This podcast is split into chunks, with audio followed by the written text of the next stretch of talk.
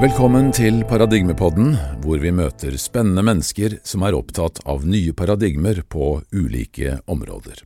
Mitt navn er Terje Toftenes.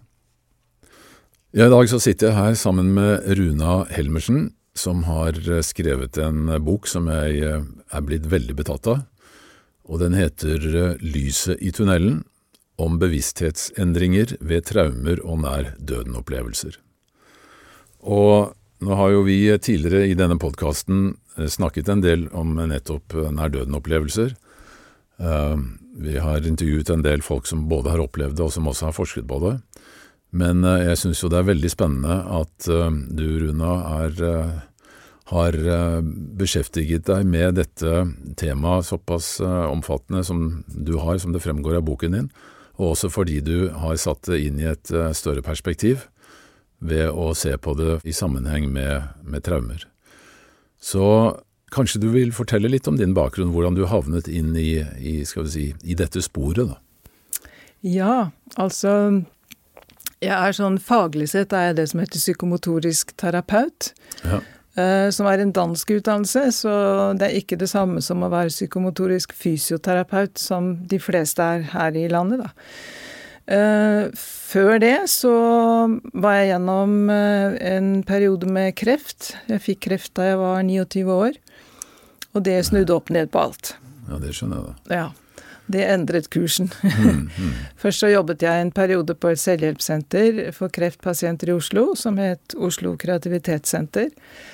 Uh, og så fikk jeg behov for litt mer faglig kunnskap, og så dro jeg til Danmark og tok den utdannelsen. Kom hjem til Norge i 1998 og begynte med egen praksis.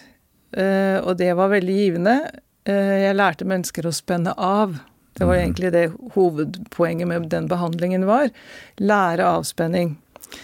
Og så opplevde jeg at en del av de menneskene jeg hadde på benken, fikk noen reaksjoner som jeg ikke forsto, som jeg ikke hadde lært om på min utdannelse. Mm. De fikk mye rystinger, skjelvinger, plutselig spontane bevegelser. Det kunne oppstå sånne ting som jeg ikke visste hva var. Så jeg fikk jo et behov for å lære litt mer om, dypere om um, hva som skjer i kropp og sinn. Og det jeg fant ut, var jo da at disse menneskene hadde dype reaksjoner i nervesystemet etter traumatiske erfaringer. Mm. Og da måtte jeg jo lære meg litt mer om hva det vil si. Ja. Traumer og traumebehandling. Ja. Ja. Så i dag så uh, jobber du primært med traumebehandling, er det sånn å forstå? Ja, primært, men du kan si det er, det er mennesker som har vondt i kroppen. Mm. Det er som regel derfor de henvender seg. Mm. Mm. Kan du si litt om, um, om traumer generelt? Altså hvor, hvorfor og hvordan oppstår traumer i kroppen? Traumer oppstår når vi opplever noe som er overveldende. Noe som er så voldsomt at nervesystemet vårt på en måte ikke klarer å uh, integrere det. Mm. Og det kan være helt forskjellige ting. For noen kan det være et traume å uh, kjøre bil og plutselig måtte bråstoppe. Uh, fordi vedkommende da antagelig har en eller annen tilsvarende erfaring liggende i bagasjen, som da kan utløse det vi kaller for en triggerreaksjon. Men det kan være veldig forskjellige ting. Det kan være fysiske ting, det kan være psykiske ting. Det kan være ting som skjer når vi er små, ting som skjer når vi er voksne. Det kan være å se andre bli utsatt for traumer og vold. Det de fleste tenker er kanskje det. Vold og seksuelle overgrep, naturkatastrofer, sånne ting. Men det kan være å få beskjed om alvorlig sykdom. Det kan være alvorlig omsorgssvikt som barn. Det kan være også fra tiden før du blir født. Ting som kan ha skjedd i fostertid. Mm. Eh, mange sier jo også, i hvert fall de jeg har lært av innen fagfeltet, at bare det å bli født Mm. kan er et traume for, for mange. Dramatisk nok, ja. Ja. Mm. Så det kan være veldig, veldig mange ting. Men dette er altså ting som, um, som blir værende i kroppen, da, eh, skjønner jeg, hvis man ikke um, får gjort noe med det. Og, da, og det kan du hjelpe folk med. Ja, det kommer an på Det behøver ikke å bli værende. Det er veldig mange som klarer seg fint uten profesjonell hjelp. Det det handler om, det er hva slags støtte og hjelp du får i tiden etterpå. Mm. Og det er klart, er det små barn det dreier seg om, så er det jo omsorgspersoner og, og, og de som må, må hjelpe til. Eh, men som voksne, altså det i hvert fall som jeg møter ofte, det er jo mennesker som har vært traumatisert som barn. Mm. Eh, og har fått mye hjelp, har gått i mye terapi f.eks. hos psykologer eller psykiatere snakket mye. Mm. Eh, men så gjenstår det som har satt seg i kroppen. Mm. Fordi det som eh, reagerer i kroppen når vi blir traumatisert, er et nervesystem som vi kaller for det autonome nervesystemet. Mm. Jeg er vant til å jobbe med menneskers muskler fordi de blir stramme og vonde. Det er ett type nervesystem. Eh, og så har vi et som går på innsiden av kroppen til alle indre organer. Og det autonome nervesystemet, det er det som rammes da. Og det er det samme som Vi kaller det også for stressresponsen i kroppen vår. Mm. Mm. Så når Altså det autonome nervesystemet det har jeg egentlig alltid vært veldig opptatt av fra jeg lærte å behandle mennesker og få dem til å slappe av. Fordi for å klare å slappe av, så må det autonome nervesystemet som egentlig består av to systemer. Et aktiveringssystem og et ro-hvile-system. Aktiveringssystemet kalles for det sympatiske, og det andre kalles for det parasympatiske. Så i min behandling lærte jeg å få mennesker over i det parasympatiske modusen, sånn at de kunne slappe av. For da skjer det på en måte veldig mange gode ting på innsiden av kroppen. Det er jo egentlig ro, hvile, avspenning, det vi alle forbinder med det. Men det er også den, hva skal jeg si, det moduset det nervesystemet er i når vi spiser, eller helst skal være, da. Fordi mm. da hjelper det til fordøyelsen. Og det aktiveringssystemet igjen, det skal jo være på når vi skal prestere og gjøre noe. Og disse to systemene, de bølger opp og ned inni oss etter situasjon og etter behov. Mm. Men hvis vi da blir utsatt for noe traumatisk eller noe veldig voldsomt, så går reaksjonen så kraftig i det systemet at enten så går det i det vi kaller for kamp eller flukt eller frys-reaksjon. Mm. Mm. Det er da kjent som stressresponsen eller overlevelsesresponsen i kroppen. Mm. Akkurat. Og dette Altså man merker jo ofte, eller har i hvert fall sett eller lest om dyr som uh, blir angrepet av andre, altså predatorer ute i, i naturen, mm. som da en, går i en sånn frysrespons, altså at man mm. på en måte slår av hele nervesystemet for å møte en sånn type fare. Men det, det er noe av det samme som skjer Nettopp. med oss mennesker, ikke sant? Ja, det er faktisk akkurat det samme. Uh, og det som skjedde med mine pasienter i starten som jeg ikke forsto, var bl.a. at de lå og ristet litt på benken. De mm. kunne ligge sånn ufrivillig og skjelve. Og det er egentlig det man ser hos, uh, i, i, naturen, at når et byttedyr har vært liksom angrepet, så spiller det død. Mm. Uh, og så er rovdyret ikke interessert i det mer og så blir og forsvinner. Og så ligger byttedyret og begynner å riste og skjelve. Og det er som om det rister av seg hele den traumatiske erfaringen. Mm. Og så reiser det seg opp, og så går det videre. Tilsynelatende som om ingenting hadde hendt. Mm. Men vi mennesker er ikke like flinke til å bare riste det av oss, da? Nei, vi er ikke det. Um, eller hva skal jeg si Jeg tror vi trenger mer enn det. Altså, vi mm. trenger eh, om, omsorg, og vi er jo noen sosiale vesener, tross alt. Sånn at vi kan ikke bare gå til ristinga.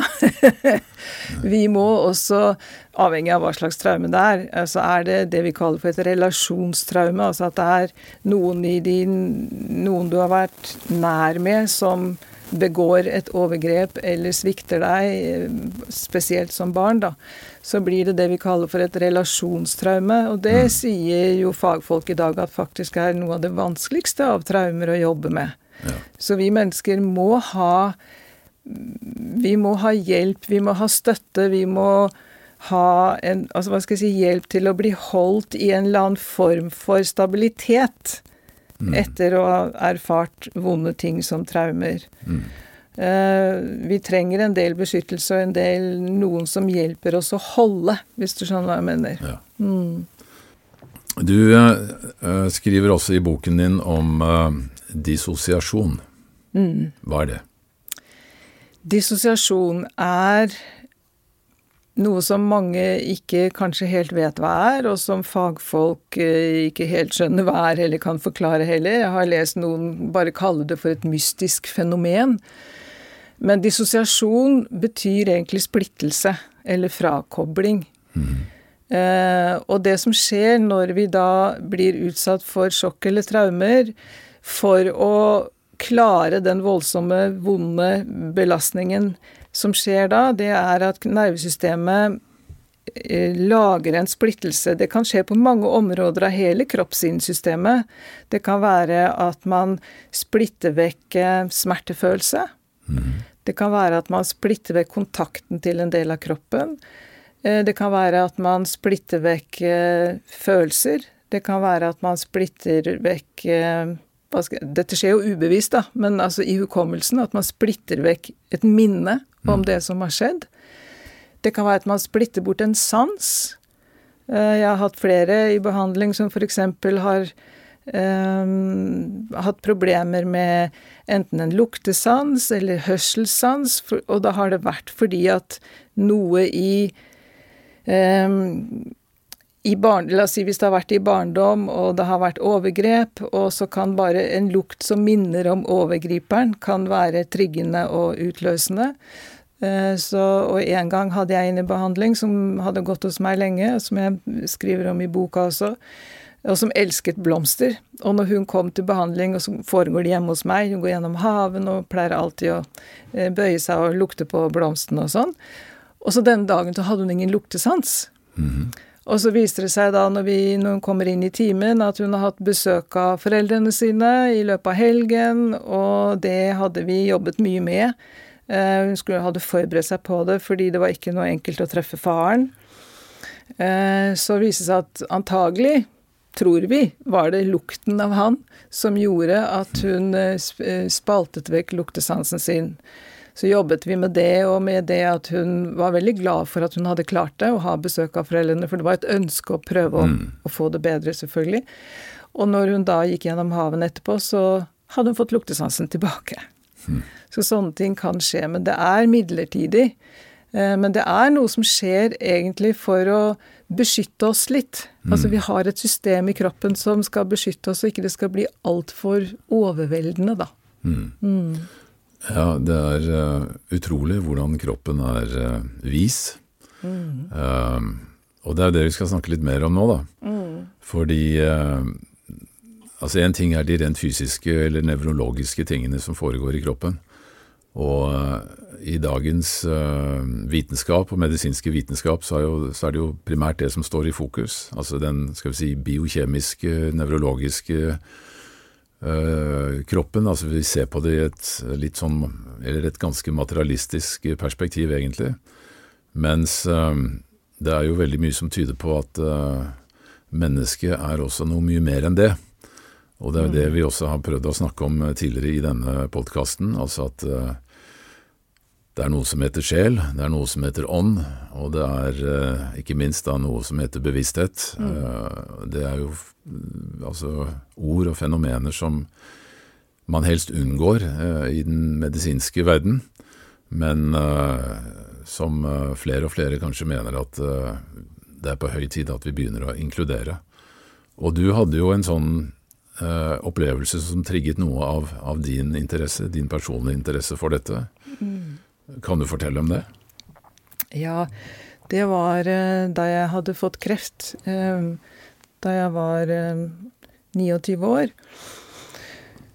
Og var igjennom tradisjonell cellegiftbehandling. På et tidspunkt så fikk jeg vite at den, den ikke virket lenger, som at jeg var på en sterkere cellegift. Som var veldig tøff. Og så, men parallelt med dette så hadde jeg lært meg avspenning og meditasjon. Jeg hadde lagt om kosthold, hadde gjort veldig mange ting da for å styrke meg. For jeg tenkte mm. som så at jeg må gjøre hva jeg kan. Altså det legene skal gjøre, skal jo rive ned. Da må jeg gjøre hva jeg kan for å bygge det jeg kan opp. Med immunforsvar og kosthold også. Men det viktigste nesten for meg, det var det at jeg hadde lært meg å meditere og, å bruke visualisering som en form for kall det selvmedisin. Så hver dag så hadde jeg et sånt ritual hvor jeg så for meg for mitt indre blikk at jeg fjernet kreften, at jeg laget meg et slags indre eh, Hva skal jeg si ja, Noe som renset, noe som mm. fjernet. Eh, så dette var jo sånn blitt en, en daglig, et daglig rituale. Og så lå jeg på senga en morgen og gjennomgikk mine vanlige pusteøvelser og avspenningsøvelser, og jeg visualiserte og gjorde som jeg hadde gjort en god stund. Og så plutselig er det akkurat som om kroppen min eh, blir lang. Mm. Veldig rar følelse av at, no, at, jeg blir litt sånn lang og begynte å bli litt svevende. Jeg visste godt at jeg lå på senga, det var ikke noe med det. Men noe endret seg, som jeg ble litt sånn usikker på. Dette hadde jeg ikke opplevd før. Det ble litt sånn Hm, hva er det som skjer nå? Og så lå jeg med lukkede øyne, men for mitt indre blikk så så jeg i over meg en uh, hvit firkant. Altså det var en åpning på en måte opp til noe annet. Noe som ville ha meg opp. Akkurat som jeg ble dratt opp dit. Syns jeg det var litt uh, skummelt, jeg. Jeg hadde ikke opplevd sånt før. Tenkte hva som skjer nå? Så jeg var litt i tvil. Men så dukker det opp en, eh, en avdød gammel tante i Oi. åpningen. Så kikker hun ned på meg så sier hun, 'Runa, det er ikke noe farlig. Bare kom opp, du'. yes, yes. Og så tenkte jeg ok, hvis du er der, tante Martha, da tør jeg komme opp. Og så svupp, så var jeg bare der oppe. Og så var det som å være i et eh, stort, veldig hvitt veldig hvitt lokale. Det hadde ikke noe vegger eller noe, men alt var veldig, veldig hvitt. Det var sånn hvitere enn hvitt. Og så var det en slags benk, på en måte, som jeg ble lagt på. Og rundt meg, rundt denne benken, så var det tolv skikkelser. Noen av dem kjente jeg, noen visste jeg ikke hvem var. Men jeg skjønte bare nå at nå skulle det skje en healing, så jeg var veldig trygg. Og så ved siden av meg på høyre side, ved hodet mitt, der var det et lysvesen og det viste seg at dette lysvesenet skulle nå lede et slags healingsrituale. Ja. Og så får jeg lagt en sølvkule i min høyre hånd. Ja. Og umiddelbart så er det som om noe dras ut av kroppen min, akkurat som det, det, den fjernet et eller annet. Det sa yes. bare svopp. Og raskt ble kula fjernet fra hånda mi. Eh, og så var det som om hode og kropp ble litt sånn dratt fra hverandre, som om det ble en slags åpning i halsen. Og i den åpningen ble det sendt en energi ned i brystet mitt.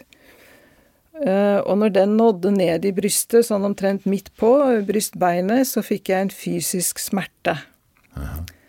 Og dette kjente jeg der jeg lå på senga. Jeg var begge steder samtidig. Jeg var der oppe, og så var jeg i kroppen min på senga. Um, og den fysiske smerten, den Da visste jeg plutselig med hele meg at nå blir jeg frisk. Mm. Og så, litt etter det, så bare landet jeg tilbake i senga mi igjen. Men jeg tenkte bare dette må jeg fortsette med hver dag nå. Nå må jeg gjøre det samme. Nå må jeg tenke på det som har skjedd. Nå må jeg visualisere en energi kommer i, ned i brystet mitt fordi det var der kreften hadde startet. Dette var en mm. lymfekreft. Eh, det viser at den hadde startet der, og det var der det hang igjen til slutt. Så det mm. cellegiften ikke fikk tak i, kan du si, det jobbet jeg med nå, da. Så det gjorde jeg inntil jeg skulle inn på sykehuset neste gang. Eh, og før, alltid før jeg skulle ha denne cellegiften, så skulle jeg ta blodprøver og forskjellige andre prøver. Og så kommer legen i døra, så står han og sier 'Endelig! Nå virker medisinen, mm. cellegiften'. Mm. Og da sa jo ikke jeg hva som hadde skjedd, men jeg visste med meg selv på en måte at ja, det gjør den. Mm. Og fra da av gikk kreften tilbake. Utrolig. Mm. Mm. Men dette Altså, du følte at dette var ikke bare en drøm? Det var overhodet ikke en drøm. Det var eh, Hva skal jeg si Det var, egentlig, det var veldig virkelig. Det var veldig sant. Mm. Eh, jeg hadde ikke jeg hadde ikke hørt om sånne ting før. Jeg hadde ikke lest om det. Uh, hadde ikke befattet meg med temaet bevissthet egentlig i noen særlig grad. Jeg hadde nok alltid vært en søkende sjel, altså fra jeg var barn, kan jeg huske det. Mm. Men der hvor jeg søkte, der fant jeg liksom ikke svar. Jeg prøvde meg Jeg spurte kristne venner hva er det dere tror på. Hvorfor tror dere Dere må jo ha opplevd noe som gjør at dere kan tro så veldig. Mm. Nei, de bare så på meg og Nei, vi tror på det som står i Bibelen. Mm. For meg var det liksom ikke Det sa meg ingenting. Mm. Uh, og så hadde jeg vært til stede da min bestemor døde. Og da hadde jeg sett at det faktisk var noe som forlot kroppen. For jeg kunne se at nederst i føttene så var det som om de plutselig Hva skal jeg si de, Huden, alt ble veldig sånn slapp. Litt sånn som lufta går ut av en ballong, på en måte. Mm. Og denne slappheten, den bredde seg oppover i kroppen. Gradvis helt opp til hele kroppen var rett og slett tom. Mm. Forlatt. Så jeg så jo med egne øyne at det var noe som forlot den kroppen. Det var det jo ingen tvil om. Jeg kunne ikke se som noen kan se lys eller sånne ting, men jeg kunne se at kroppen mistet Det var noe som dro mm. fra den. Mm. Så da jeg hadde min egen opplevelse av dette, så fikk jeg jo egentlig en, mer en sånn opplevelse av å komme hjem. Mm. Jeg skjønte plutselig at ja, men det er jo sånn det er. Det er en annen verden. Vi er mer enn bare en kropp. Vi er sjel, bevissthet, som bor i en kropp. Så det var nok det aller viktigste for meg. Det var gaven jeg fikk. Ja, det var jo en ganske heftig erkjennelse, egentlig. Og det skriver du jo mye om uh, videre i boken, da. Altså bevissthet. Uh, og nær-døden-opplevelser, uh, ut av kroppen-opplevelser osv. Du har vært på en reise i, eh, i, inn i disse fenomenene ganske lenge, da, med også mennesker som du møter gjennom din praksis. Men altså for deg, hvordan vil du forklare ordet bevissthet, egentlig? Ja, det er vanskelig. Men det er en kraft i oss. Mm. Det er eh, noe som er større enn det fysiske. Har tilgang til en stor visdom til healing, eh, helbredelse, kjærlighet. Jeg ser for meg at bevissthet er noe som eksisterer i, ulike frekvenser, akkurat som lys og lyd. Eh, vi vet at det eksisterer, at det er lys og lyd utenfor det vi kan se og høre, ovenfor, nedenfor, det feltet vi kan oppfatte. Sånn tror jeg også det er med bevissthet. Mm. Vi har en følelsesbevissthet, vi har en tankebevissthet, vi har en energibevissthet osv. Og jeg tror at det å forstå bevissthet som noe som eksisterer i frekvenser, det som har hjulpet meg til å komme dit hen og forstå det sånn, det er jeg fant en amerikansk hjerneforsker som heter Andrew Newberg, mm. som har forsket veldig mye på opplysthet. Ja. Uh, som man jo ikke, så vidt jeg vet i hvert fall, uh, foreløpig kan dokumentere. Men det han sier, det er det vi kan, kan dokumentere, det er at hjernen forandrer seg etter en opplyst tilstand. Da skjer det forandringer bestemte steder i hjernen. Men hvordan vil du beskrive eh, opplysthet? Altså hva er det man da opplyses om, eller hva, hva er det man ser eller føler? Ja, jeg, jeg, har jo ikke opplevd det selv, så jeg, jeg, kan jo bare ane og forestille meg det, og, og det jeg har lest og sånn. Men men for meg så må det være det å komme i kontakt med en, en, eh, stor innsikt, en stor kjærlighet, en følelse av å kjenne seg hjemme og høre til. Mm. At vi er en del av en helhet, alle sammen. At det er ingen som er ekskludert. Mm. Vi er alle en del av en helhet og et fellesskap. Og det tror jeg er eh, kanskje det aller viktigste eh, vi trenger den innsikten i dag så veldig at vi hører sammen, og at vi rent bevissthetsmessig hører vi sammen. Og i mitt arbeid med mennesker som er traumatisert, og som vi startet med å snakke om ordet dissosiasjon Man sier jo ofte at det å gå ut av kroppen er en dissosiasjon. Det var en av de tingene som jeg da ikke nevnte spesifikt i stad, men men eh, det å forlate kroppen Noen gjør det så konkret som at de nesten føler de ligger opp under taket og kan se hva som foregår. Eh, det, for meg er det blitt en måte å forstå det på. Det er at bevisstheten vår søker når, ikke, når, altså når ikke jeg kan være i kroppen, hvis det skjer noe forferdelig med kroppen min, og jeg ikke kan være i den, og jeg ikke kan stikke av, mm. så sier man jo rent sånn uh, nevrologisk så snakker vi om kamp, flukt, frys-reaksjon. Uh, mm. Når ingen av de delene hjelper deg, på en måte, så har vi en siste, kall det fluktmulighet, det er å forlate kroppen. Og hvorfor vil vi det? Jo, fordi vi vil til et nivå av bevissthet hvor vi kjenner oss hjemme, hvor vi har vært før, før vi ble født, før vi ble inkarnert. Vi søker dit fordi vi vet at der er det trygt. Mm -hmm. Men så er det så veldig stor frykt involvert, hvis det er snakk om traumatiske ting, i hvert fall. Sånn at vi klarer ikke å komme dit. Jeg kaller det for å gå litt skjevt ut av kroppen, og så havner vi i et slags sånn mellomrom i bevisstheten. Det er veldig ubehagelig å være der. De fleste syns jo at det er ganske ille.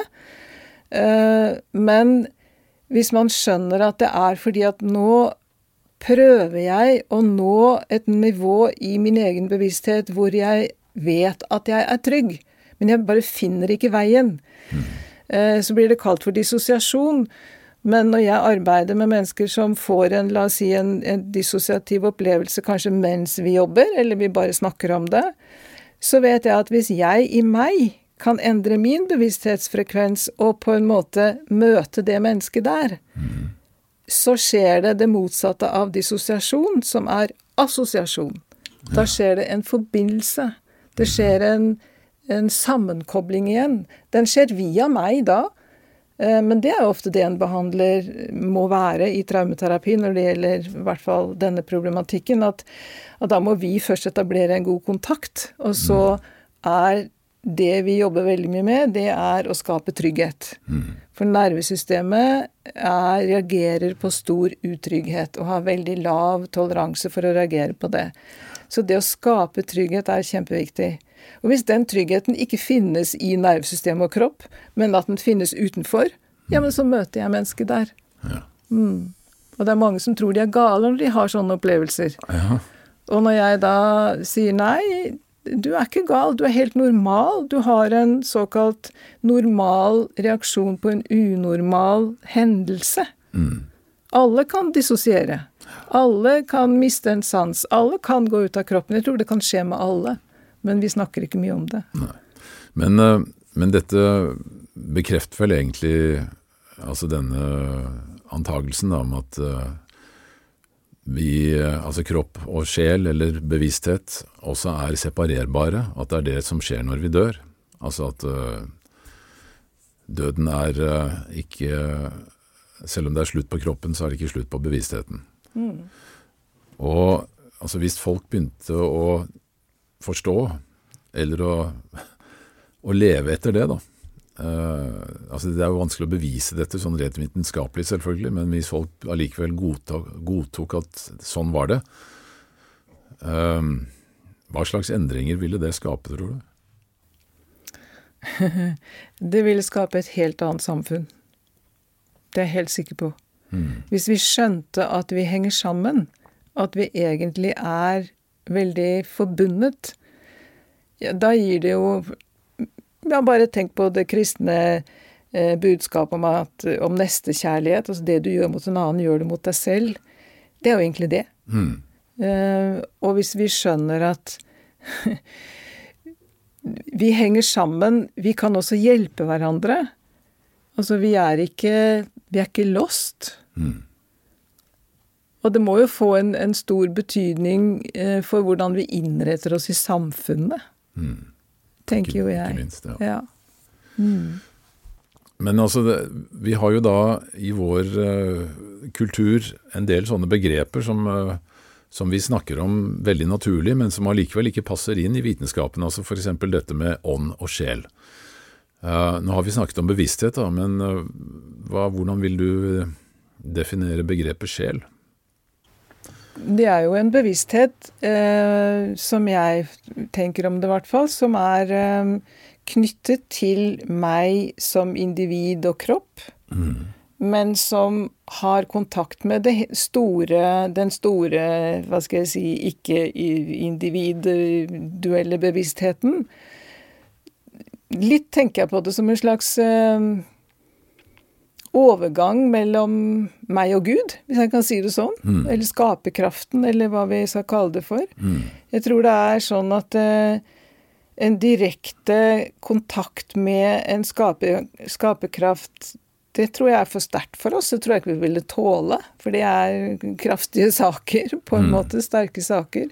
Så jeg tror vi i, i vår sjel har muligheten til å oppøve eh, styrke, kontakt, evne til å kunne være kanskje tettere i kontakt med høyere dimensjoner, skaperkraften, hva vi kaller det for. Men så lenge vi er i hvert fall i fysisk kropp, så er den også connected til kroppen. Mm. Um, Personligheten. Hvordan uh, Det er jo også uh, Du har også skrevet en del om hjernen, da. At hjernen uh, kanskje, ifølge noen, er mer en slags reduksjonsventil for eh, en høyere bevissthet. Kan, ser du det på den måten? Ja, jeg gjør det. Jeg ser på hjernen som et slags filter i en større bevissthet. Mm. Jeg tenker at uh, vi uh, per nå vi, ikke, vi, er ikke i stand til som mennesker å ta inn og romme alt som skjer rundt oss. Altså Bare tenk i dag med alt vi får via sosiale medier og alle nyheter og alt vi får, det blir voldsomt. Mm. Vi må skjerme oss litt. Det er jo ikke fordi vi er uempatiske mennesker, men, men vi er ikke i stand til å ta inn alt. Nei, og også alle mennesker som vi møter som har sine mm. greier gående hele tiden. Mm. Eh, mm. Så man må jo ofte bare, som du sier, skjerme seg. Det er så mye som uh, på, prøver å påkalle din oppmerksomhet hele tiden. Mm. Og det er jo her i det menneskelige, men sånn tror jeg det er i det som ikke er menneskelig også. Jeg tror at det er en enorm bevissthet uh, til stede overalt og hele tiden.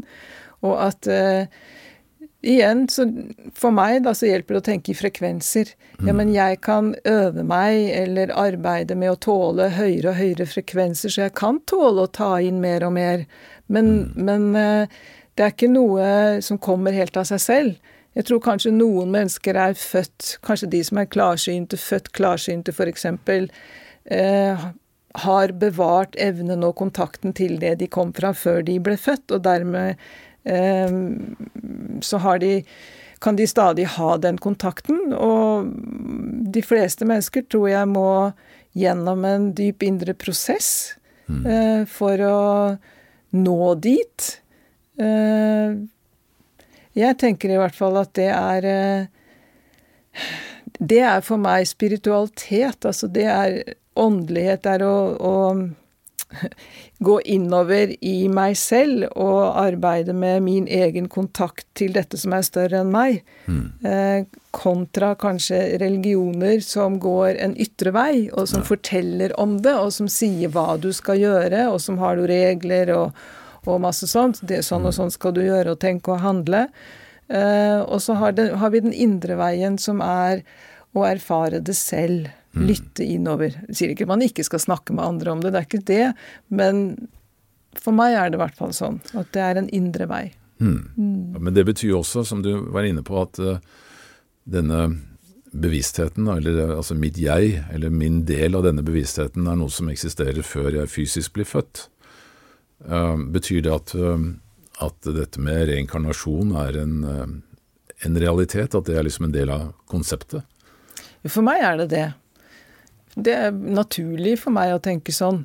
Mm. Uh, at uh, det tar lang tid å, å, utvikle seg mot en slags gudsbevissthet, for å si det sånn. Mm. For å bruke det uttrykket. Men, uh, men at vi er her i ulike utgaver og til ulike tider og med ulike oppgaver eller erfaringer vi skal ha.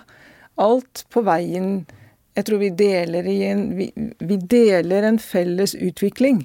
Ja. Så alt vi lever og gjør og tenker og føler og sånn, er en, vi er en del av et stort hele. Mm.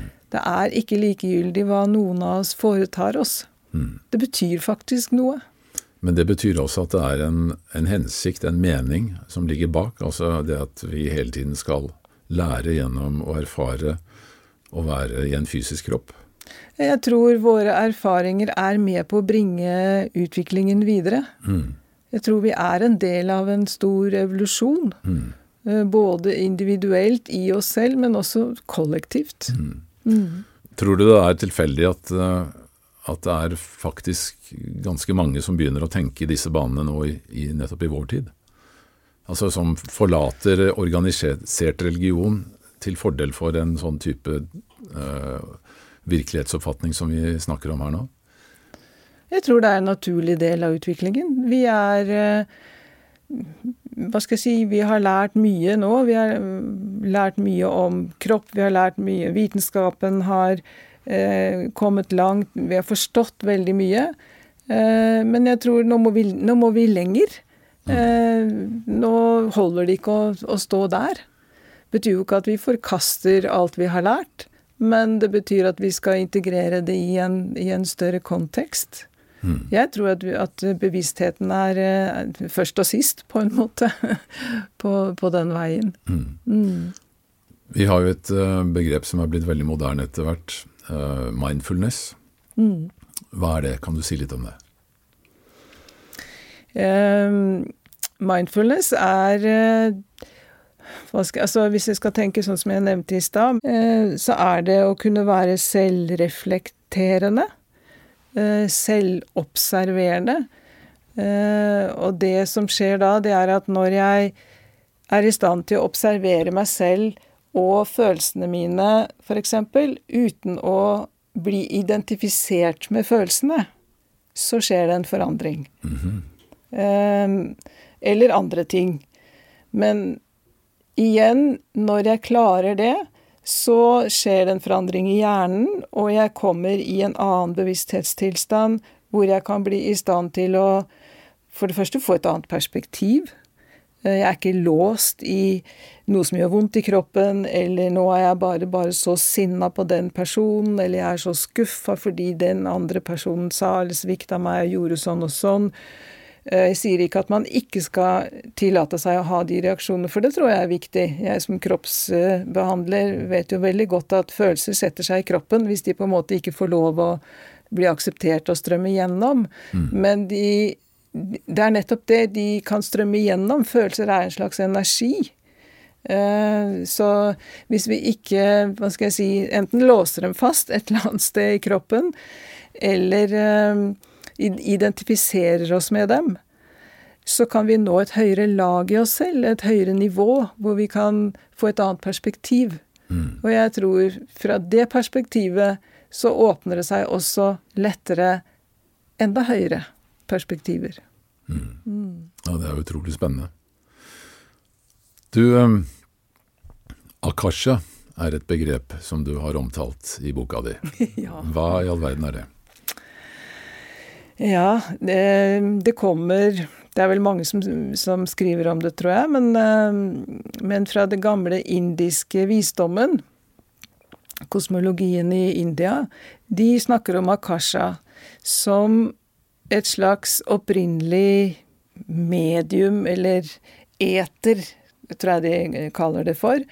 Det opprinnelige hulrommet i universet, eller hva man skal si, hvor alt annet strømmet ut. Mm kaller de det for. Eh, så vet jeg også at eh, andre, mer moderne fysikere snakker om noe av det samme, men kaller det for nullfeltet, vakuumfeltet, kvantefeltet. Jeg mm. tror Alle disse ordene tror jeg handler om mye av det samme, uten at jeg kan ja. si det med sikkerhet. Jeg er jo ikke forsker, jeg. Men, men jeg forestiller meg at Akasha eh, er et et lag eller et nivå i universet som da registrerer alt. Mm. I hvert fall så sies det det at i Akasha så registreres alt vi foretar oss, alt vi tenker og føler og gjør, og absolutt alt. Så vi, det, det, skrives liksom inn der. Mm. vi, men vi påvirker dermed Akasha. Men Akasha er dermed også et slags informasjonsfelt. Et stort informasjonsfelt som vi også kan hente informasjon ut ifra. Mm. Når vi klarer å være i det si bevissthetsnivået, da.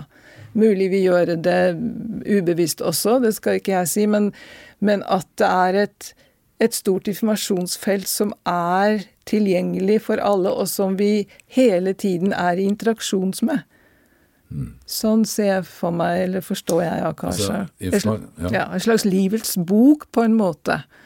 Men ikke bare en bok. Det er en bok som hele tiden er i forandring. Ja. Um, altså kvantefysikken, uh, uh, så vidt jeg har forstått i hvert fall, snakker jo, som du sier, uh, mye om dette, at informasjon er egentlig, skal vi si, et grunnleggende element da, i uh, altså energi og informasjon. uh, kanskje er lik bevissthet. Um, men, men det der med informasjonsutveksling på det nivået der er jo også noe som parapsykologien har eh, jobbet med i, i alle år. Altså for å kunne forklare fenomener som telepati og eh, klarsynthet og fremsynthet og ja, remote viewing og, og hva det nå heter, ikke sant. Men du, eh, tilbake til øh, spesielt av disse opplevelsene av å være ute av kroppen. Er det noe som du tror kan brukes mer aktivt øh, blant behandlere, altså når det gjelder spesielt øh, traumebehandling? Vil dette komme mer og mer på menyen innenfor øh, ulike typer terapier eller behandlinger, tror du, øh, fremover? Jeg håper det, men det forutsetter jo at man som behandler har den åpenheten i seg selv, selvfølgelig. Men en av grunnene til at jeg har skrevet denne boka, er jo faktisk også for å løfte frem eh, mange av de traumatiserte menneskene som jeg har møtt, i hvert fall. De har hatt denne, veldig mye av denne evnen som du nå snakker om. De kan kontakte, de kan se, de kan høre, de kan få en form for kontakt med en annen dimensjon. Eh, som ikke er en dissosiasjon, i hvert fall ikke når vi får liksom tingene litt på plass, rent sånn traumatisk sett, og følelsesmessig sett, og får liksom de tingene sånn noenlunde eh, bearbeidet, da. Fordi på, i, i traumesammenheng så snakker vi om det vi kaller for posttraumatisk vekst. Altså etter at traumene er bearbeidet så godt som mulig, så kan det, så kan det komme en vekstperiode. Uh, og jeg tror mange av de jeg har fått uh, lov å hjelpe, de har jo ofte gått i mye behandling før, sånn at de er rede på en måte til å gå inn i den posttraumatiske vekstperioden. Og så åpner det, når de blir trygge på at de, de erfaringene de har, uh, de er ikke gale. Eh, tvert imot. De har egentlig kontakt med på en måte noe som er større, men, men eh, de må på en måte hjelpes til å ikke dissosiere ut av det. Det er viktig å holde kontakten med kroppen og personligheten også. Men når det kommer på plass, så har jeg i hvert fall erfart, og jeg syns jeg har funnet det i, i faglitteratur, at hvis man har hjertet med, så er det en tryggere vei opp i en høyere bevissthet eller en høyere dimensjon. Og for å få hjertet med, så Det ligger i hvert fall for meg at da er du trygg.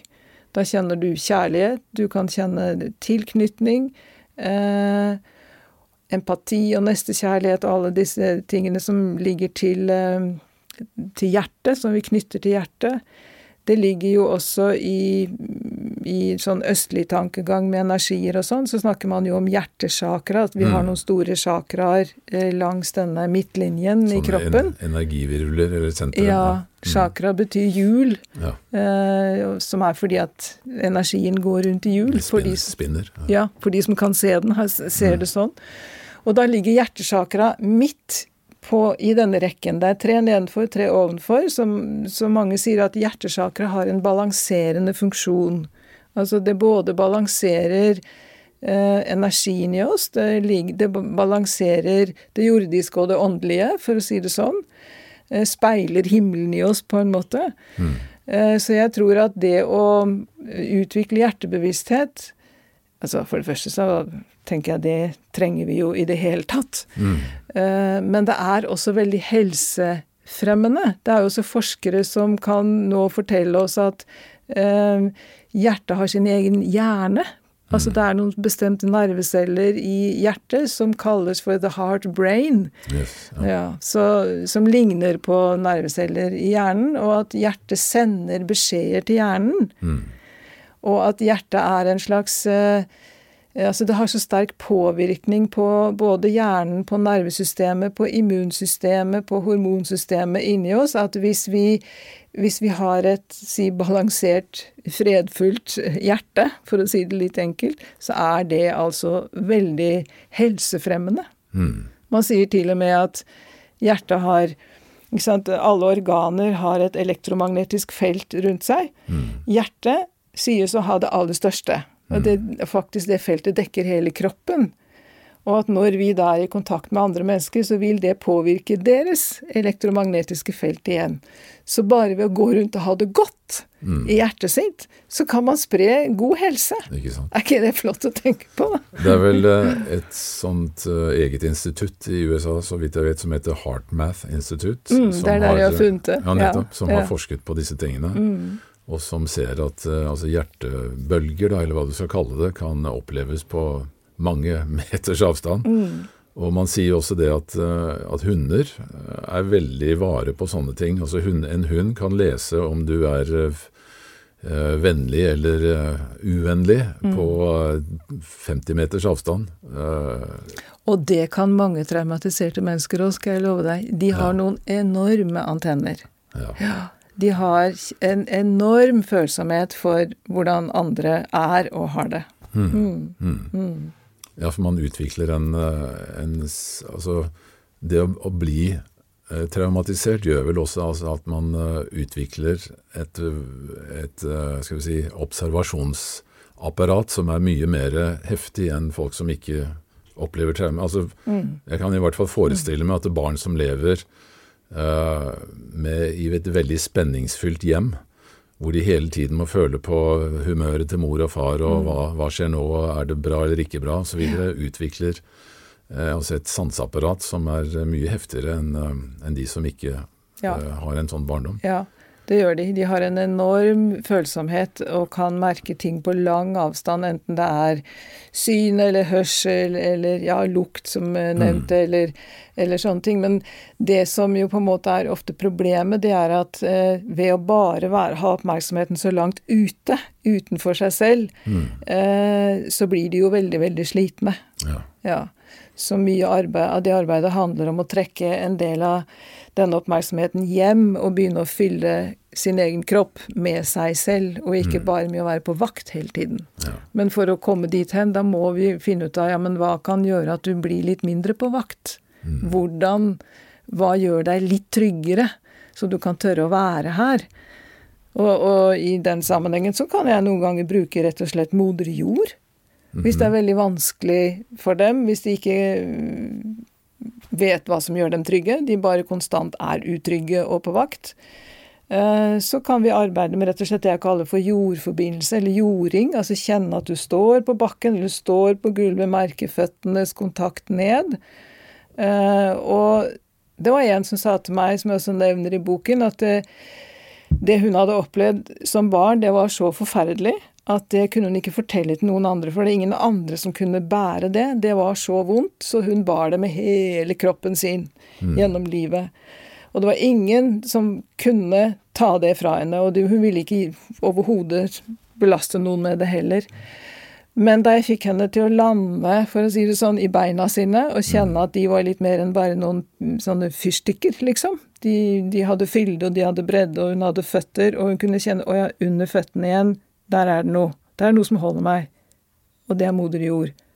Hun er stor nok. Hun kan ta smerten min. Og så gikk det an å slippe den ned dit. Mm. Fantastisk. Du, eh, du har beskriver også en del eh, metodikk i, i boka di. Bør ikke gå inn på det nå, men eh, jeg vil jo bare anbefale alle som er interessert i dette, å, å skaffe seg denne boken, som er utgitt på Solens forlag. Eh, og den er vel også å få kjøpt på, på, på nettet, vil jeg anta? Hos, eh, ja, på nettet hos Ja. Solen og hos meg. Den Ja. er ikke i bokhandlere. Ok, Solens forlag altså. Men du, helt til slutt. Um, døden. de aller fleste mennesker er jo redde for å dø, og du skriver i boken din at dødsangst også fører til livsangst. Si litt om det.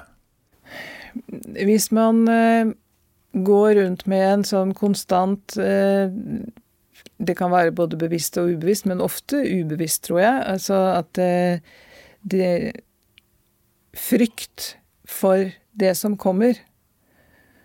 Altså Buddhistene er jo opptatt av det Dalai Lama sier f.eks. mye om dette. Han sier at eh, han anbefaler mennesker å venne seg til døden eh, så tidlig som mulig i livet. Ikke mhm. for å gå rundt og, og hva skal jeg si eh, holde på med det hele tiden, mm. men å frigjøre seg fra frykten for døden. Mm. For frykt lammer oss. Frykt begrenser oss. Frykt gjør at ikke vi utfolder oss. Det potensialet vi hver især har. Vi får ikke eh, ja, blomstret som mennesker. I hvert fall en del, da. Så det er vel egentlig det som ligger i det å se på døden som noe helt naturlig. Mm. Og vi fortsetter å ja. leve i, som bevissthet etterpå. Mm. Ja, for det er, jo, det er jo nettopp det som er eh, den store endringen, da. At uh, hvis man ser at det er en, en fortsettelse, og uh, så vil også frykten selvfølgelig bli mye mindre. Mm. Altså Det vil alltid være smertefullt å forlate de man er glad i og osv. fra det fysiske planet. Men, men, det er i hvert fall utrolig mye mer smertefullt hvis du tror at det, alt blir bare sort, og så er det helt slutt. Ja, det er jo det, og der, der har det vært så fantastisk, syns jeg, å lese disse dokumentasjonene og historiene med, med om det er døden-opplevelser, for de er så fylt med det motsatte. Ja. ja.